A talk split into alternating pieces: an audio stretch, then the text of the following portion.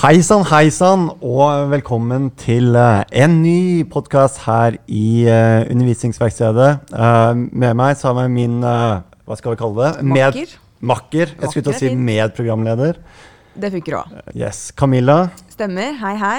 og jeg heter da Mathias. Og i dag så har vi fått to fine gjester med oss. Hvem er det vi har med oss, Camilla? I dag har vi med oss Morten og Martin. Kan ikke dere fortelle litt om dere selv? Begynner du, Martin? Skal jeg begynne? Ja. Her slåss jo mora. Ja, det gjør vi. Eh, Martin Smith Garsen heter jeg, eh, og er underviser på Institutt for religion, historie og filosofi her på UiA. Jeg har eh, lærerstudenter på første, andre og tredje året. KLU 1, 2 og 3 i religion. Ja, jeg jobber samme institutt som Martin. Jeg heter ja, Morten Beckmann. Eh, Førsteamanuensis i religion. Underviser i lærerutdanningene og også på bachelor. Bredt nivå. Og dere er jo to eh, sånn, For oss som eh, vi er studenter som, som jobber her inne på undervisningsverkstedet, dette, er- dere er jo to kjente ansikter. altså Det har jo hendt at dere har tatt turen eh, her oppe. Hva syns dere om å være på slags, denne slags læringslaben? Eller verkstedet, eller hva man skal kalle det? Vi har vært der med, med flere studenter mange ganger. Og de gir jo veldig gode tilbakemeldinger bare på å være i rommet. At du får eh, nye ideer og ser nye muligheter og hvordan man kan gjøre det. Og så er det også veldig bra at man faktisk får prøve ut eh, utstyr også. Eh, så her har vi jo hatt workshop om bruk av smartboard i KRLE. Og da har de jo fått prøvd seg helt konkret av hvordan de skal gjøre dette. For smartboardene er jo ikke plassert rundt om i undervisningslokalene på UiA, så da er det jo kjempebra at vi kan komme et sted og prøve ut alt det, det som brukes i skolen, i alle fall. Kult. Altså, merker du noe forskjell på enten deg selv eller liksom studentene som kommer? Uh, fremfor hvis du står i et auditorium og snakker til det, og så blir det en litt annen stemning å være inne på et litt mer sånn åpent rom som det her. Ja, det er jo noe med um, at undervisningslokalene og på en måte hvordan eh, stolene er plassert og kateter og sånne ting, det, det, legger en del føringer for selve undervisninga, fra min erfaring. Og, og da tenker jeg at hvis du fort kommer inn i et vanlig klasserom med i en forelesningssal eh, hvor det er måte faste benker og et kateter, og du står foran, og de står bak. De, du står, og de sitter. Eh, da blir det veldig ofte sånn at det, det, det legger på måte premisset for en forelesning. At det er en som snakker, og noen som bare sitter der passive. Eh, men her er det jo mye mer tilrettelagt for eh, mer dialog, vil jeg si. da, At eh, måte, lokalet tilrettelegger for eh, mer dialogbasert undervisning. Eh, og ja, jeg opplever at eh, folk eh, senker skuldrene når, når de kommer inn her. Mm. Eh, slenger seg ned i saccosekken og, og finner seg en plass. Og, eh, det, det gjør at stemninga blir ganske avslappa. Og, og likevel er, det rom for å, å snakke om læring og, og ha dialog sammen om de verktøyene vi prøver her. Mm. Og jeg tenker at rommet i seg sjøl eh, sier noe om hvordan læring kan fungere. da. Nettopp fordi, som du sier, at uh, her er det mulig å skape på mange forskjellige flater, på en måte, og i mange forskjellige soner. uh, gjør at uh, man liksom utfordrer den tradisjonelle tanken at læring handler om å sitte seg ned og høre. Her handler læring om å skape i, med ulik type verktøy, digital og ikke-digital, eh, i forskjellige soner. Alt etter som det passer. Så det, er- det utfordrer læringssynet bare å komme inn, og det syns jeg er veldig kult.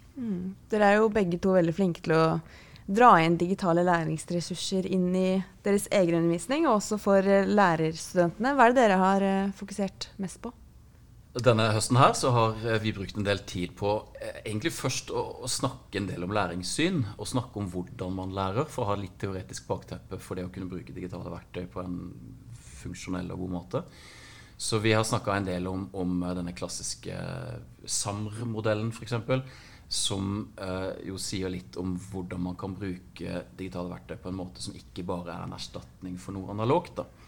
Eh, At man eh, ikke bare bruker iPaden eller PC-en istedenfor en skrivemaskin, eller istedenfor å skrive med penn og papir i boka, men at du kan utnytte en del av de mulighetene for samhandling og samskaping som gjør at du kommer liksom litt høyere opp i denne sampyramiden.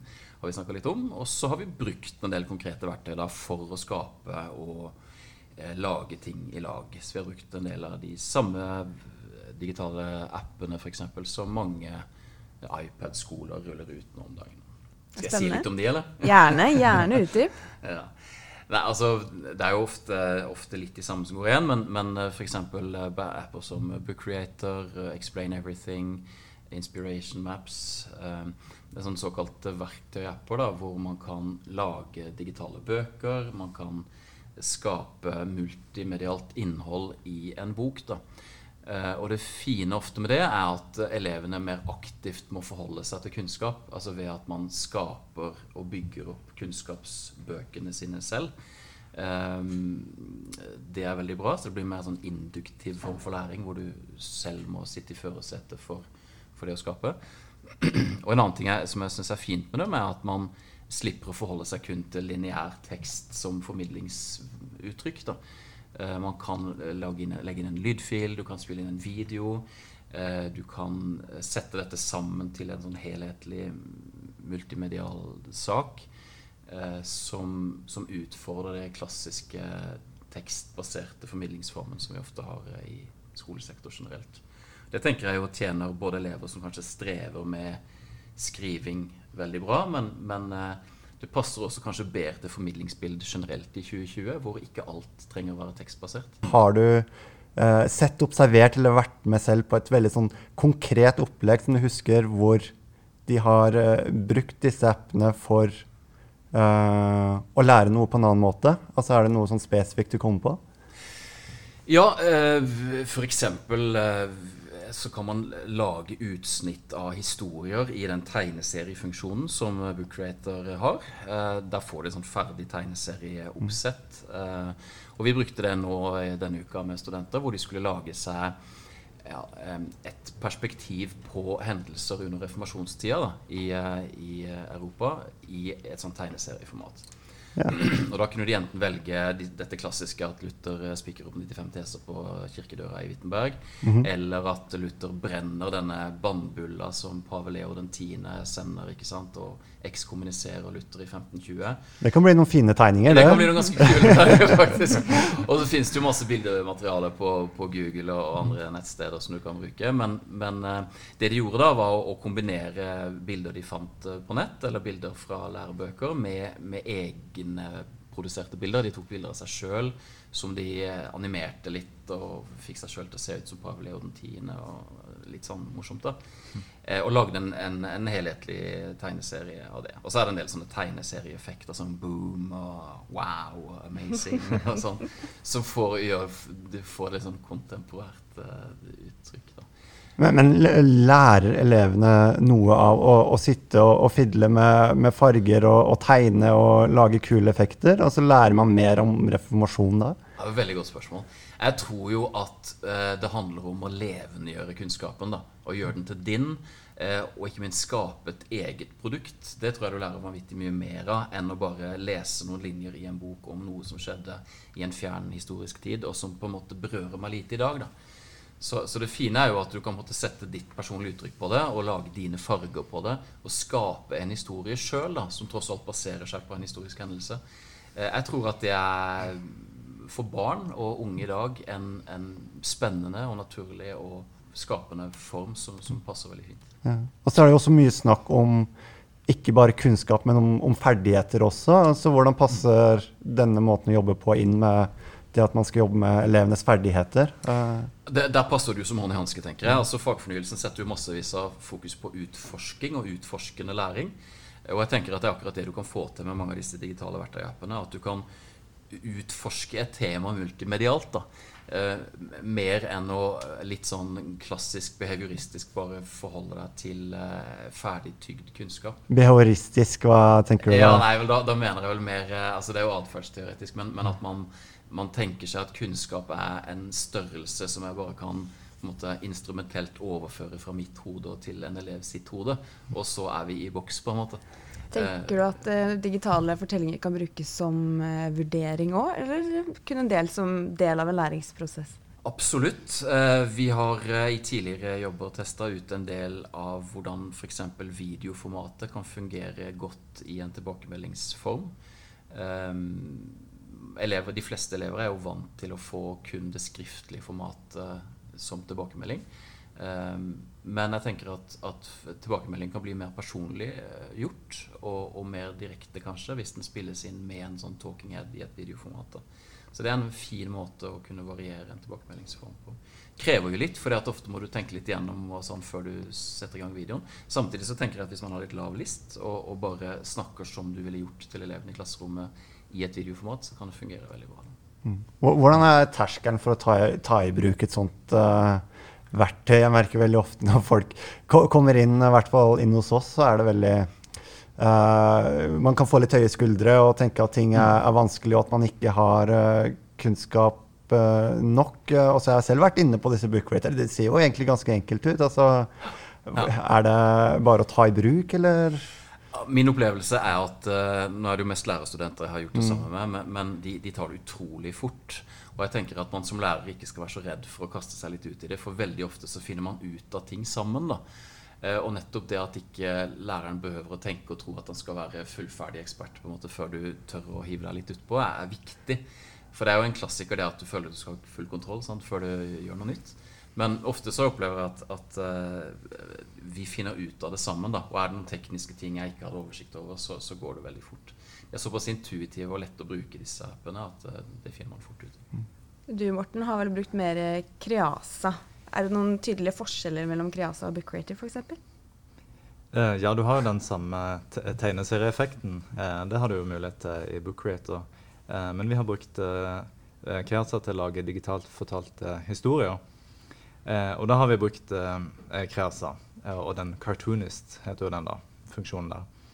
Eh, så utgangspunktet vårt var jo at vi hadde et tema som ofte ble opplevd som vanskelig av studentene. Eh, og det var typisk sånn bibelkunnskapen som kanskje vi hadde forutsatt for, for mye. At de, de, kunne faktisk en del ting. er det bibelkunnskapen som er det tøffeste, det tøffeste det er nok det, ja. Det er nok litt med hvordan det legges opp uh, i vår utdannelse. Uh, for det er jo sånn i skolen så lærer du om alle religionene. Mm. Uh, og du får det gjentakende flere ganger i tråd med spiralprinsippet. da, At det skal være høyere nivå, men du får mye av det samme underveis i skolegangen. men så kommer du opp på universitetet, og så begynner du helt fra scratch på islam, hinduisme, jødedom, buddhisme. Og så kommer du til kristendommen. Så begynner du noen hakk lenger opp. Mm. Uh, så det er jo kanskje en utfordring. Så da har vi brukt noen år på å forsøke å tilpasse det.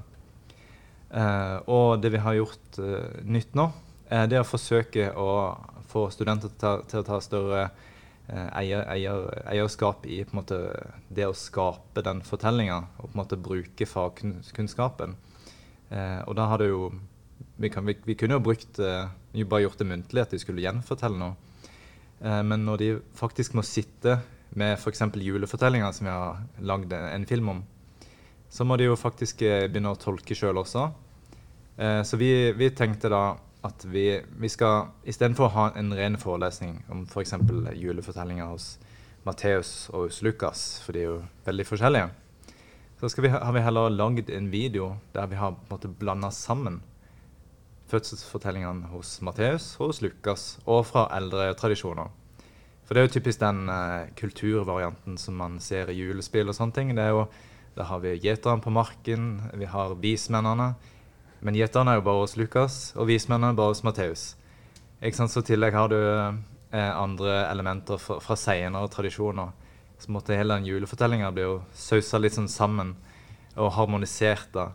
Eh, men så skal vi prøve å jobbe litt mer sånn bibelfaglig, så da prøver vi å se hva særpreget hos Matteus og Lukas, og hva det egentlig de vil si. Eh, og hvordan, hva er likt, og hva, hva skiller seg ut. Eh, så da lagde vi en video i, basert på en sånn cartoonist i Keasa, hvor vi satt sammen litt sånn ulike scener fra Lukas og Matteus. Og så skal studentene nå jobber med å måte, identifisere liksom, hva, hva er fra hvem. Eh, så de måte, blir aktivisert eh, nærmest fra første stund da, og må måte, ta større eierdel i, i den prosessen. Istedenfor bare å få det servert, så må de måte, gå inn og sjekke. Eh, og så tenkte vi også at de skulle faktisk lage et eget produkt. da. Yes. Dette er mitt femte år som student på universitetet her. Jeg tror aldri jeg har vært borti et sånt opplegg uh, før. Er det, det, er, det, er, ikke mange forelesere som, uh, som ber deg lage den type fortellinger? Nei, uh, det er nok litt utradisjonelt. og vi har jo lagt, lagt, vekt på å legge litt humor inn i det også. så det er jo liksom muligheter som gjør at du kan være litt kreativ og utradisjonell, som jeg tror vil bli godt tatt imot av studentene. Eh, så det blir jo en mer sånn åpen, litt lekende eh, tilgang til, til læring. Eh, så, så, da skal de jo faktisk få, få jobbe helt konkret med dette. Og så skal de jo lage egne produkter også. Og da må du virkelig Da må du vite på en måte Det er jo det Martin sier, og viktigheten av å skape noe. Eh, og fordelen med dette, det merka vi jo sjøl også når vi satt og lagde den videoen. Da måtte du jo faktisk inn og tolke. Eh, for du legger jo til tolkningselementer, ikke bare med, med, tekst, men også med bilder. Du har med musikk og, og lydeffekter, eh, som også er med på en måte å skape elementer i fortellinga, eh, som er på en måte med og fortolker. Eh, så det er ikke bare det tekstlige, men også multimodale. Eh, så da, da, skal vi fokusere også på hvilke elementer og hvordan dette er med på å tolke bibelteksten med videre. Og dette er noe dere skal prøve ut, eller har dere vært litt sånn begynt med det allerede? Ja, vi har lagd på en måte ferdig opplegget. Eh, ja. Så skal vi prøve det nå i november. Eh, så det blir veldig spennende å se hvordan dette blir mottatt. Ja, Vi må ha deg inn igjen da for å få en liten premiere på produktene. Ja, da har du julefortellinga. Perfekt juleepisode. Perfekt. Det det. Men dette, dette, gjør dere jo med studenter, regner jeg med, for at de skal bli vant til å bruke disse verktøyene selv, sånn at de kan ta det med ut i skolen. Hva er deres erfaringer med bruk av digitale fortellinger ute i skolen? Det er noen eh, av studentene som har kommet tilbake og sier at de har tatt i bruk Kreatsa, at det er noen av de som har gjort det. Eh, men det er jo kanskje spesielt disse iPad-skolene. Og vanligvis er det iallfall sånn at det er første til fjerde typisk eh, som har iPad, og så har man kanskje også iPad på mellomtrinnet. Mm. Eh, men noen skoler har jo Chromebooks og osv. Så, videre. eh, så, da, så da blir det i så fall nettversjoner av Kreasa. Men eh, vi har ikke fått sånn overveldende tilbakemelding om at dette er noe som brukes i praksis.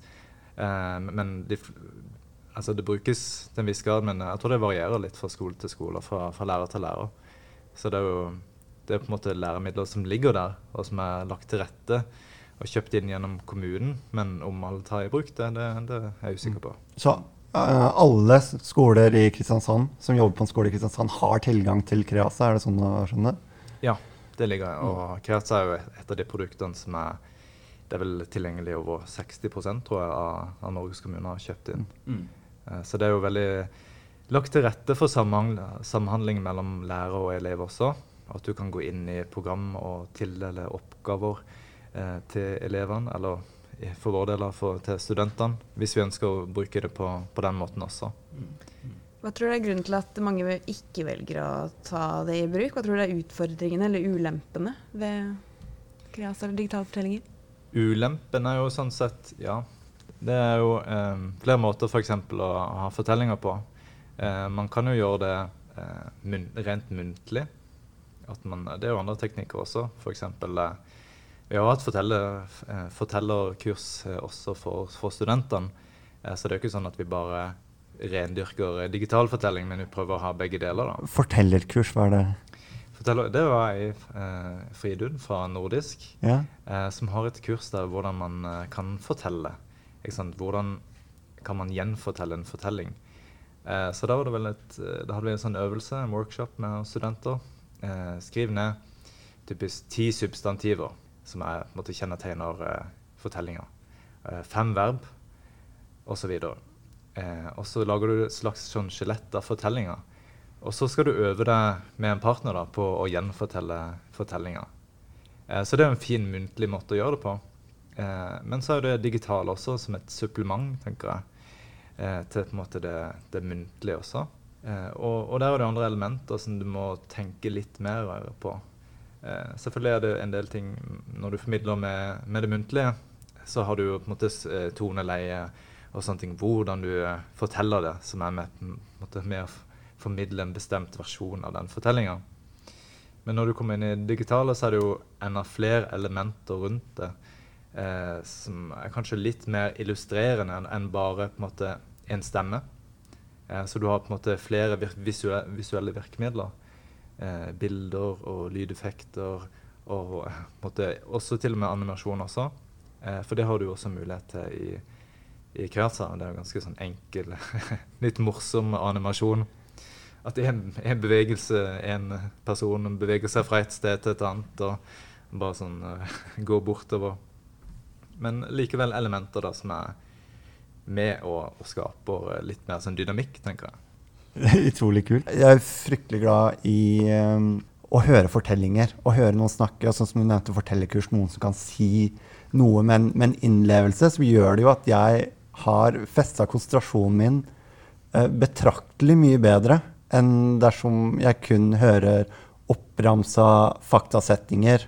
Hva er det egentlig med fortellinger som gjør at den har den posisjonen i både at det fungerer godt i læring, men også innenfor ditt fag eh, KRLE, og særlig da religion, hvor fortellinger har en veldig sånn sentral plass. Altså hva er det med disse fortellingene som lønner seg? Ja, som beveger oss. Ja, som beveger oss. Ja. Bedre måte å si det på. Ja, det er poetisk. Mm. Jeg tror kanskje noe av det er at eh, det er veldig lett å kjenne seg igjen i fortellinger. Eh, så det gjør det jo at eh, det appellerer til oss. Eh, en annen ting er jo at eh, eh, det er på en måte ikke noe abstrakt. det du på en måte tar utgangspunkt i en hverdagslig hendelse, eller hva det skulle være. så det er jo muligheten for gjenkjennelse er jo også der. Men også at du lærer på en måte gjennom herfra, måte, Går fra det nære til det fjerne. Så det er jo også et viktig pedagogisk prinsipp. da, at du det blir kanskje lettere å forstå hvis du har utgangspunkt i en helt sånn konkret fortelling. Eh, så eksempelvis har vi også brukt, eh, brukt det da i, ikke i Kreatsa, men et annet animasjonsverktøy som heter Beyond. Eh, så der lagde jeg en video som jeg skal bruke i neste uke, faktisk, eh, til å lage en fortelling. Eh, mellom, eh, det, det handler om sikhismen, som jeg skal undervise om. Eh, og så er det jo at man eh, i sikhismen eh, anerkjenner ja, at alle, måte, alle, er likestilte, uavhengig av hvilken kaste du kommer fra. Eh, så det var liksom radikalt i India når det kom på 1500-tallet. At du kunne faktisk gifte deg på tvers av kastet, og at eh, det var ikke noen forskjell på mann eller kvinne liksom, eller ulike kaster du kom fra. Da. Så tenkte ja, jeg kan snakke om det, men eh, jeg tror jeg heller lager en fortelling om det. Eh, så da lagde jeg en animasjon av, av to unge folk som eh, elsker hverandre. En mann og en kvinne, eh, og som møttes eh, og ville gå videre med det. Eh, men så kommer faren plutselig inn, da. Og, ikke sant? Og du kan ikke gifte deg med, med han lavkasten der. Eh, og så lager han en sånn sekvens der, han, der de møtes seinere, og han ene har blitt syk. Og så da begynner han å, å fortelle til henne at det er ikke noe forskjell på høykast eller lavkast. Ikke sant? Så jeg tror eh, kanskje at det, det, hjelper folk til å forstå eh, budskapet. At du får det gjennom en, en fortelling. Eh, så på en måte blir kunnskap som blir mer levendegjort og mer personlig og nært. Mm. Så det tror jeg gjør at det kanskje appellerer mer også, og at det blir mer illustrerende. Mm. Det også går jo inn på film i undervisning òg. Mm. Styrken med det og hvordan det kan Mm. At elevene kan relatere seg mer til å se noe virkeliggjort, som, de kan, ja, som de sier. Ja. Mm. Da tenker jeg at vi ofte i UH-sektor og kanskje i skolevesenet generelt har liksom lent oss vel mye på det rent kognitive. da. Eh, mens, og rasjonelle. Mens vi mennesker er jo eh, i høyeste grad også følelsesindivider som jeg tenker at vi den, den, den fulle estetikken eh, appellerer mer til oss enn, å, enn kun det rent rasjonelle og kognitive. Og der kommer jo digitalt fortalt historier og, og mye av det mm. digitale inn som en god støtte, tenker jeg. At man kan formidle ting på flere måter som appellerer ofte til hele mennesket i større grad enn rent kognitive eller rasjonelt fortalte fortellinger. Vi husker det bedre, og det gjør større inntrykk på oss, og det, gir større grad av innlevelse når vi kan få det i flere format. Men du Martin har jo gjort noe annet veldig spennende i din religionsundervisning dette semesteret. Kan du ikke fortelle mer om det? Jo, eh, vi eh, holder på nå med et eh, feltarbeid med en del studenter på Toglu. Hvor de skal ut og besøke et trossamfunn i nærområdet. Det kan være hvilket som helst trossamfunn eller trostradisjon. og de skal da i tillegg til å gjøre en del intervjuer med ledelse eller en familie som tilhører dette trossamfunnet, og i tillegg til å delta på et møte hvor de skriver en observasjonsrapport og sånn, så eh, får de med seg et sånn 360-kamera. Eh, og de skal da ta sånne 360-graders bilder utvendig og innvendig i det religiøse bygget som de kommer til. Eh, og med disse 360-bildene da, de kan importeres i en app som heter CoSpaces Edu. Eh, og Der lager du deg et uh, virtuelt rom uh, hvor du laster opp de 360-bildene. Og så kan du måte innrede det rommet med litt, en del knagger og tekst og, og, bokser som gjør at du kan måte navigere deg rundt i rommet da, uh, interaktivt. og tanken med det er jo at Og så kan man se på disse 360-bildene i, i, et VR-format etterpå. gjerne bare via en enkel cardboard-brille og en smarttelefon. da. Uh, og tanken med det er jo at du skal få en mer visuell uh, på en måte kroppslig tilnærming til i dette tilfellet det lokale hvor trossamfunnet er til stede. Da. Men til ulike f.eks. artefakter, prekestol, kors hvis det er en kristens forsamling. Andre ting som, som utgjør ut- og innsiden av, av forsamlingsbygget. Uh, sånn at når de skal ha fremføring av, av dette feltarbeidet etterpå, så skal de jo fortelle om hva de har opplevd i observasjon og intervju og sånn. Og så skal de vise frem dette i VR-modus også da, via disse cardboard-brillene. Så, så, foreløpig så, så, eh, opplever vi at det, det, skaper mye engasjement, det der at du skal, du skal her igjen skape deg et digitalt produkt. da. Uh, og jeg tenker at uh, Nå gjenstår det å se hvordan studentene har opplevd det der ute. Men, men jeg tror at den mer sånn visuelle og kroppslige og dybdetilnærmingen til, til et visuelt uh, produkt da, gir en, en, annen opplevelse og erfaring enn kun å høre om eller eh, kognitivt da, nærme deg et trossamfunn.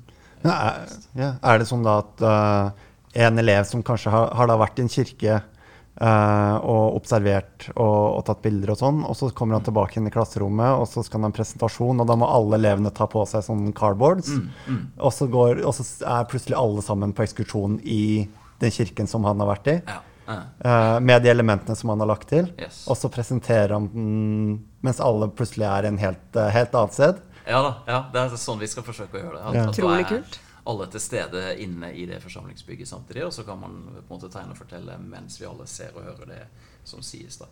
Så det gir en uh, mye lettere måte å visuelt nærme deg det som snakkes om på, enn å bare høre det. Um, mm. Um, så kan man legge til lydeffekter f.eks. også, sånn at, at, man kan gjennomføre denne virtuelle turen uh, kun gjennom opptak. Man kan jo snakke live uh, mens man ser, men man kan også legge det inn som en sånn full-fledged uh, virtuell tur. Da, sånn at, at du, du, hører og ser samtidig mens du er der. Så, så, det er lett tilgjengelig, egentlig, og det kreves ikke noe voldsomt mye utstyr for å få det til. Disse 360-kameraene kan jo koste noen tusen et par-tre tusen hvis du er litt avhengig av modellen. Og er dette noe man kan forsøke i et klasserom også, eller ligger det for mye um, restriksjoner på, på, på, det å, å, delta i religiøse uh, praksiser? Nei, jeg tenker ikke at i dette tilfellet at det trenger å gjøre det. fordi at her uh, forutsettes det jo ikke at, det er, at du er deltaker i en, uh, på en gudstjeneste, f.eks. Eh, det er jo i dette tilfellet på en måte bygget og artefaktene på innsiden og utsiden av bygget man mm. forholder seg til. Men det er klart man kunne gjort det også i løpet av en gudstjeneste. Eh, eller en, en messe, eller en, en, en, annen form for religiøs uh, tilstelning. Det krever jo mye mer i forhold til godkjenninger mm. og samtykke av de som eventuelt blir tatt opp på film. Så det er jo en litt mer avansert prosess. da. Men til, til, neste år på Treglu så skal vi også bruke 360-kameraer da mer med, med, video, og ikke bare med bilde. Og det vi tenker å prøve ut da, er å, å lage ulike etiske case som en religionslærer typisk kan komme opp i. Uh, I det at du skal forholde deg til et pluralistisk klasserom uh, i 2020. sant? Uh, og vi, vi, det, som, det fine med 360-kamera er at du kan fange opp ulike perspektiver. Hvis du filmer med to kameraer samtidig, så ser du jo alltid 360-perspektiv, og du kan fange opp eh, hvordan ting uttrykkes fra lærer, hvordan ting oppfattes av elev, Og det er lettere å få til på en måte litt sånn innenfra- og utenfra-perspektiv på en del uetiske case da, som kan oppstå i et klasserom med et 360-kamera. Så det, det, er på en måte neste post på programmet at vi skal teste det ut til neste år. Eh, jeg har gjort litt research på det allerede på eh, Høgskolen på Vestlandet. Hvor man har i forbindelse med et sånt Dembra-prosjekt sett på hvordan rasediskriminering kan oppleves da, både fra den som diskriminerer, og den som blir diskriminert. Og de perspektivbyttene er på en måte lettere å få til med 360-kamera. Så det, det, blir spennende å hive seg etter. Det er jo åpenbart, og det er jo enormt eh, enormt mye lettere for elever å, å, kunne få denne opplevelsen da, enn å lese det svart på hvitt i en uh, papirbok. Mm. Mm. Det er en enorm ressurs. Ja, men det er det, altså. Og, det, og nettopp opplevelsen, fokuset på opplevelse og på, på innlevelse, eh, tror vi jo gir grunnlag for bedre forståelse og empatifølelse, kanskje, enn hvis du som du sier, bare skal lese om det i en bok. Det, man må være der litt sjøl, og det er akkurat det du har muligheten til i VR. Du, du, har en helt annen opplevelse av tilstedeværelse enn hvis du bare liksom rent kognitivt skal forholde deg til en case. Da. Det er dette skulle du gjort med en lockdown, vet du. ja, det er det. Ja. Reis og sett verden, ja. ja, ja. Og det er jo praktisk veldig vanskelig da, for lærere å, å, ta med seg elever uh, veldig mange steder. Uh, men mm. her, her, sender man jo elevene uh, rundt. Mm. Og så besøker de ett sted hver, cirka. Mm. og så kommer man tilbake. Fellesskap, reise veldig mange steder. Og, og sånn som du sier, den, den tilstedeværelsen Du får den ikke bedre enn i VR hvis du ikke er deg selv. Mm. Mm. Uh, mm, det er akkurat det. Og det, det er det siste da vi skal teste ut uh, litt ordentlig på én-glu fra og med neste høst. Er, er, jo det enkleste funksjonen, kanskje. At du kan bruke apper som Google Expeditions eller uh, Google Tours, hvor, hvor, det allerede er lasta inn mye materiale av kjente religiøse bygg i verden. Hvor det kan utforskes da på innside og utside. Og, og få en helt annen tilstedeværelse igjen av, av mange av de større religiøse byggene i verden enn å måtte reise dit selv. Så det, det, er mulig å ta med elevene på ekskursjoner uten å betale i dyredommer. Ja, men jeg følte det var en uh, ganske ok avslutning, jeg. Uh, tusen takk for at dere ville være med oss i dag. Det var veldig inspirerende. Mye gode ideer. Altfor mye å teste ut. Så gøy. Takk for at du fikk være med. Det, takk for at du kom.